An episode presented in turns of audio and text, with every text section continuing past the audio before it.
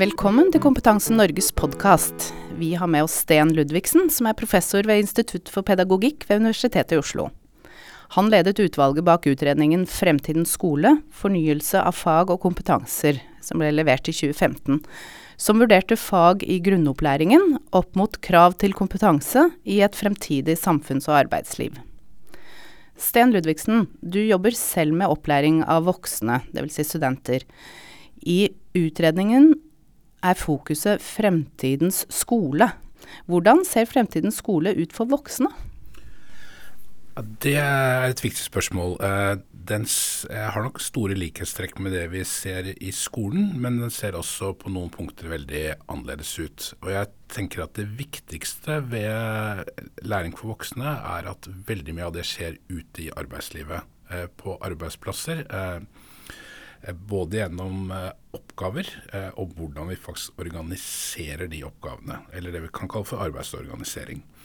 Så jeg tenker nok at skolen kommer til å ligne mer på arbeidslivet. Eh, og at eh, innimellom så får vi et sterkere eh, innslag av kall utdanningsaktiviteter i selve jobbene våre. Så vi kommer nok til å se en litt annen miks av forholdet mellom utdanning som er formalisert, eh, og hvordan arbeidsplasser organiseres framover. Hmm. Ja, for utvalget så jo hovedsak på opplæring for barn og unge. Eh, så i tillegg til organiseringen av eh, opplæring for voksne, da, hvordan skiller utdanningsaktivitetene for barn og unge seg fra utdanningsaktivitetene av barn? Nei, voksne? For voksne så er det noen ting som er veldig distinkt forskjellig. Uh, og det For det første så er, kommer voksne med en helt annet erfaringsgrunnlag. Uh, de har uh, sannsynligvis både hatt suksesser i utdanning og nederlag som de drar med seg mye sterkere inn. det tenker jeg er en viktig forutsetning. så det å jobbe med voksne som har det erfaringsgrunnlaget, Eh, og se hvordan de skal kunne inngå i nye typer av utdanningstilbud, eh, er kjempeviktig. Eh, og Det er veldig annerledes enn for barn. Og Så spørs det hva slags tilknytning de voksne har til arbeidslivet. Om de har en svak eller sterk tilknytning. og Det, det er en stor forskjell. Så for de svake, som de som ikke har en svak tilknytning til arbeidslivet, der er nok den erfaringsbearbeidingen enda viktigere enn det er for de som selvfølgelig da har en sterk tilknytning. Eh, og dette tenker jeg er ganske det er viktig å se på ulike målgrupper og se hvordan man kan tilrettelegge det for eh, voksne spesielt. Eh, eh og at voksne nok vil ha et veldig sterkt eh, idé om at det skal være relevant eh, også på kort sikt, sånn at de kan komme seg inn i arbeidsmarkedet. Mm. og du kan også veldig mye om vilkårene for læring. hvordan har vilkårene for læring endret seg? Ja, de endrer seg eh, mer enn de fleste av oss tror. Eh, eh, og den virkelig store endringen er selvfølgelig knytta til det som vi da kaller for digitalisering. At, og det er jo at vi kan jobbe gjennom den type altså omgivelser. Vi bruker verktøy. men det viktigste syns jeg, som jeg også har gjort mye forskning rundt selv, det er at vi får det vi kaller for visualisering eller representasjoner, f.eks. av statistikk eh, eller eh, som vi har sett på TV-en denne uka, hvordan bedrifter organiserer seg for arbeid. Og da kan man illustrere det på veldig gode måter. Men det viktige ved dette er at det øker kompleksiteten. Mm. Eh, og vi vet ikke helt eh, hva som er eh, rimelig eller sant lenger. Eh, så det må utvikle en kritisk vurdering av alle typer informasjon, eh, jeg vil si er en virkelig en veldig veldig stor endring eh, fra når de fleste har vokst opp. og det har kommet fort, og det har kommet de siste 10-15 årene. Mm. Og den endringen vil fortsette å utvikle seg, vil du tenke? Eller vil den endre seg vilkårene for læring ville endre seg uh, en annen retning i framtiden? Hva tror du? Jeg tror bare den skyter fart, og at dette blir mer og mer komplisert. Og at vi må greie å velge ut uh, innhold, kompetanser og ferdigheter som virkelig er som, som, kan være robuste og livskraftige over, over lengre tid, og at det er det viktigste vi gjør. Mm.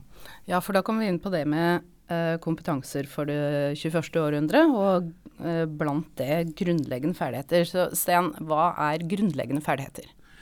Ja, Det er fem ferdigheter. Eh, for det første så er det lesing. Det blir viktigere enn før. Eh, vi hadde en flott eh, forelesning på, her for noen få uker siden som beskriver lesning både i papirformat, men også i digitalformat. Og at for å lese godt digitalt, så kreves det også noen nye ferdigheter i å navigere og jobbe med tekst. Er det skriving. Det gir noen veldig gode muligheter, fordi du kan skrive om, justere tekst, bearbeide tekst på nye måter. Eh, du kan også skrive sammen med andre i samskriving osv. Så, videre. så det er også en ferdighet som er det, historisk viktig, men også som endrer seg. Eh, så, vil, så er det mye eh, som er knytta til det matematiske området, som er, eh, kalles da for regning. Eh, og her ser vi jo at rundt oss så er det mange det vi nå kaller for algoritmer, som gjør beregninger av våre privatliv, eh, hva vi leser i avisen osv. Så, videre. så man må liksom forstå mer av det.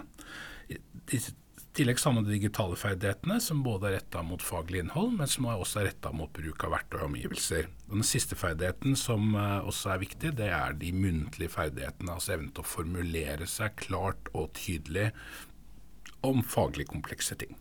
Mm. Så grunnleggende ferdigheter er uh, viktige kompetanser for det 21. århundre. Um, det er også andre ferdigheter man snakker om, som kompetanser for det 21. århundre. Uh, hva vil du trekke fram der? Det de fleste trekker fram, er, er, å kunne samarbeide og jobbe på tvers av uh, altså utfordrende problemstillinger. Uh, Uh, og Det er interessant, for det, det, har vokst fram gjennom uh, studier av bl.a. av uh, hvor mye matematikk du trenger for å utføre arbeidsoppgaver. og Da ser man at det hjelper ikke hvor god man er i ett område, hvis du ikke greier å samarbeide med andre og få økt samspill mellom de ulike kompetansene som er involvert. og Det er interessant at det har vi nå både kall det myke dataen, gode analyser, men også virkelig store studier som viser dette veldig tydelig. Så samarbeid er en usedvanlig viktig kompetanse fremover. Mm. Ja, for det har du vært opptatt av. OECD er også veldig tydelig på at sosiale og emosjonelle ferdigheter kan læres og utvikles. Eh, det er jo definert inn som en del av de grunnleggende muntlige ferdighetene delvis. Men eh, hva tenker du om eh, utvikling av sosiale og emosjonelle ferdigheter? Noen tenker på det som ofte veldig som personlighetstrekk eh, ved oss. Eh, eh, og det mener jeg er litt riktig, men mest feil. For dette er jo noe som man kan se utvikler seg hos barn, hos ungdom og hos voksne. Og at vi i noen situasjoner er flinke til å samarbeide, positive og åpne. og andre situasjoner så blir vi mer lukka. og da handler det om de betingelsene rundt oss. Eh, så det vi ser i studier av dette over tid, er at eh, det både endrer seg mye, eh, og at det er påvirkbart gjennom, gjennom utdanning og gjennom arbeidsmiljø, der man kan oppleve trygghet og stimulans. Så, så, det er absolutt noe som kan utvikles og ikke er eksklusivt knytta til personlighetstrekk. Mm. Og hvordan, kan du si litt mer om hvordan kan man da lære det i arbeidslivet, og hvordan kan man lære det på skolebenken? Ja, det vi tenker er at man må introdusere og jobbe med eh, altså normer. Eh, så i et forskningsprosjekt som jeg er med på, det er på ungdomstrinnet. Og der er jo På ungdomstrinnet er man, som man sier, litt uh, ustabil noen ganger. Eh, og Da jobber vi med slett normer for samtaler. Hvordan snakker man sammen? Hvordan eh, med respekt for andre, trekker inn andres kunnskap osv. Så sånn at eh, det kan man trene på. Og vi ser i det prosjektet at, eh, at de ungdommene blir flinkere til det når de får trent systematisk på det.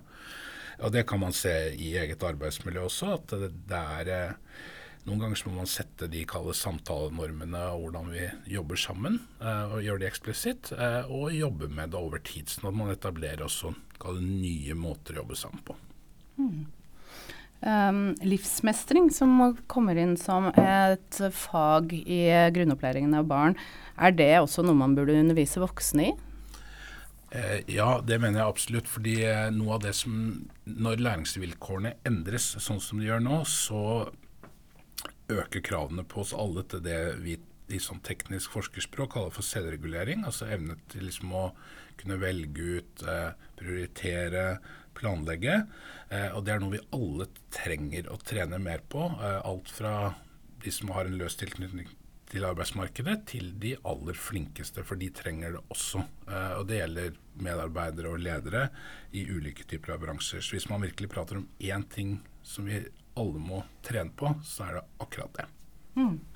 Jeg var på en sånn AI, eh, altså kunstig intelligens, uh, intelligensforedrag en gang, hvor det var en sånn norsk guru som hun foreslo at, um, at man burde få en time, sånn fast time hos psykolog, på samme måte som man har liksom skoletannlegen. Mm. Uh, og at det var viktig uh, i forbindelse med digitalisering. Uh, er du enig med henne? Nei, det er jeg veldig uenig i. Jeg tror, ikke, jeg tror dette er noe som vi må greie å ta i i utdanningssituasjoner, enten det er for eh, barn og ungdom eller spesielt for voksne. Eh, fordi det er så tett knytta til arbeidsutførelsen og de oppgavene vi står i. Eh, og jeg tror dette må bli liksom en, et naturlig reportasje som vi alle utvikler. Og så får psykologene ta seg av det som er vanskelig og komplisert. Men det er et viktig område å jobbe med.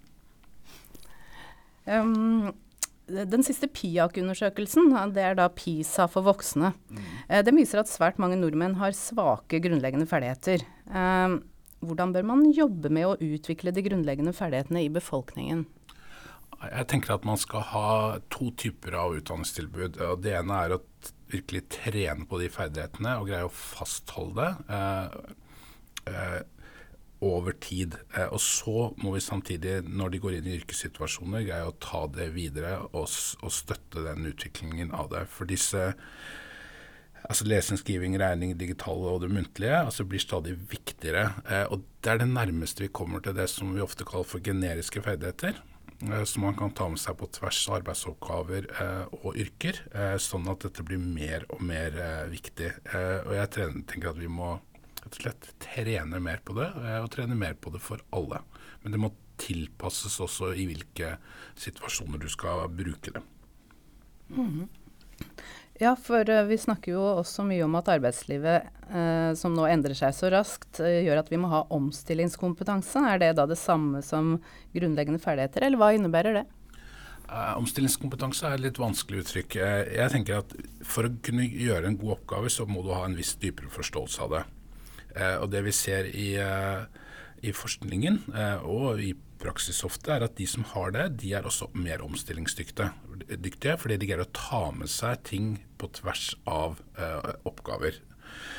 Så jeg tenker at den, noe av det viktigste vi gjør, er at alle får en tilstrekkelig sånn, dyp forståelse av, av, de oppgavene de skal jobbe med. Eh, og så er det utgangspunktet eh, for å kunne jobbe med omstilling. Hvis du bare har en overfladisk forståelse av mye i bredden, så har du heller ingen mulighet til å omstille deg, for det forutsetter den dybden. Så det, eh, dette er et, eh, et intrikat samspill. Mm. Et annet begrep som politikere og utdanningssystemet oftere og oftere tar i bruk, er begrepet livslang læring. Hvordan kan vi forstå det begrepet? Ja, det kan man forstå på eh, jeg tror jeg, tre ulike måter. For det første så er det et viktig sånn, altså politisk begrep. Eh, hvordan vi skal rett og slett la, utvikle en befolkning i, i Norge som, som, greier å være med på utvikling av arbeidslivet. Eh, og så er det to litt mer presise beskrivelser av det. og Det ene er at eh, når vi prater om det, så må vi bli presise på hvordan vi tenker at det er individuelle løp. Eh, hvordan man kan ha tilknytning til eh, enten det er utdanningsinstitusjoner eller til arbeidsliv, eh, og se hvordan man utvikler seg over lang tid. Og Det andre er at en vesentlig del av dette skjer på arbeidsplassene. Sånn at da må de tilrettelegge for nettopp en sånn langsiktig utvikling. Og Det er jo en utfordring hvordan vi kobler de individuelle karriereforløpene med hvordan arbeidsplassene konkret skaper mulighet for den type kompetanseutvikling. Så på, blanding, så på, et vis er det noe som man kan tenke langsiktig om. På et annet vis må man tenke liksom kortsiktig i løpet av en kortere tidsperiode, hvor man slett planlegger for det. Og det må være tett knytta til arbeidslivets behov. Mm.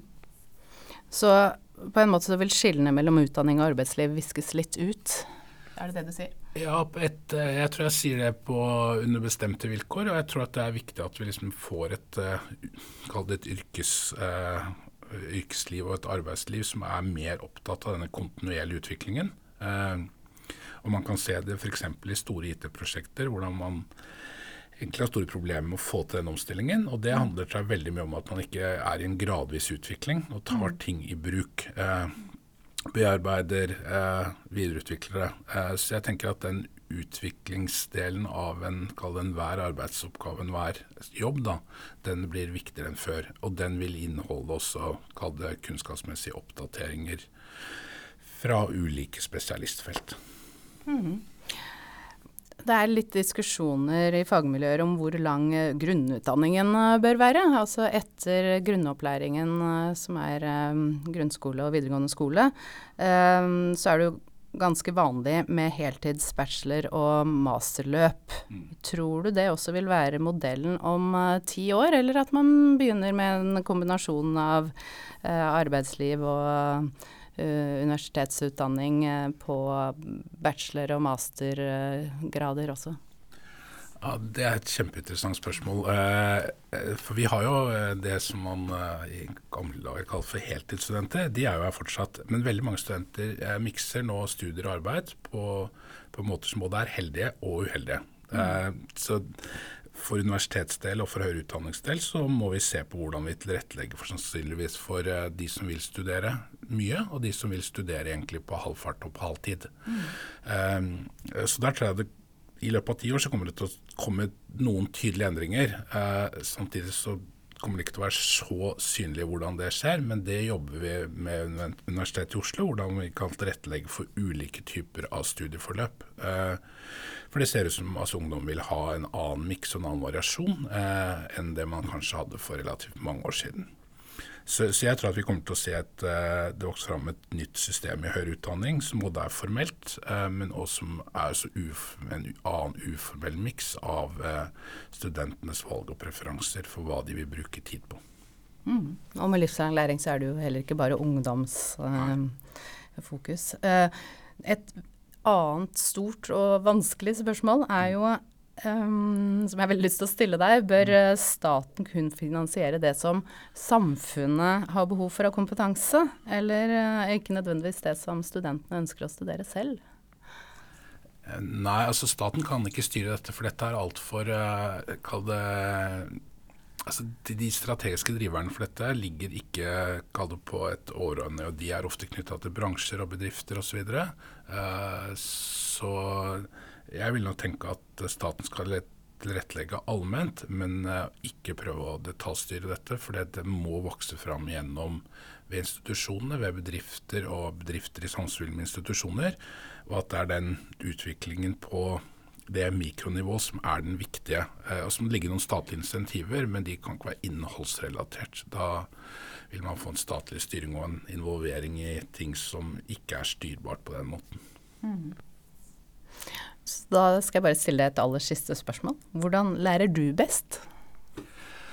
Ja, I mitt yrkesliv så har jeg hatt som eh, et motto at jeg eh, aldri skal ha på et vis den samme jobben for lenge av gangen. Eh, så jeg lærer veldig mye gjennom rett og slett uh, å få nye oppgaver uh, som jeg må løse. Så i denne jobben jeg har nå, så er det mange nye ting som er av styringssystemer.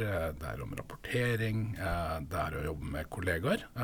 Så jeg har vært så heldig å, å kunne rett slett fornye meg gjennom de oppgavene jeg dels tar og dels får. Eh, og så er jeg så, så heldig at jeg kan både internt ved Universitetet i Oslo, men òg eh, det, jeg gjør internasjonalt, at da får jeg god kontakt med internasjonale kompetansemiljøer. Eh, og jeg har vært redaktør for et tidsskrift eh, i fire år, som også har vært noen helt unike læringserfaringer. Så jeg oppfatter at uh, jobben min er det både nødvendighet, men også er det privilegium å få lov til å gjøre nye ting. Mm. Tusen takk til Sten Ludvigsen ved UiO for at han delte sine tanker og forskning på læring og kompetanse for 21. århundre med oss.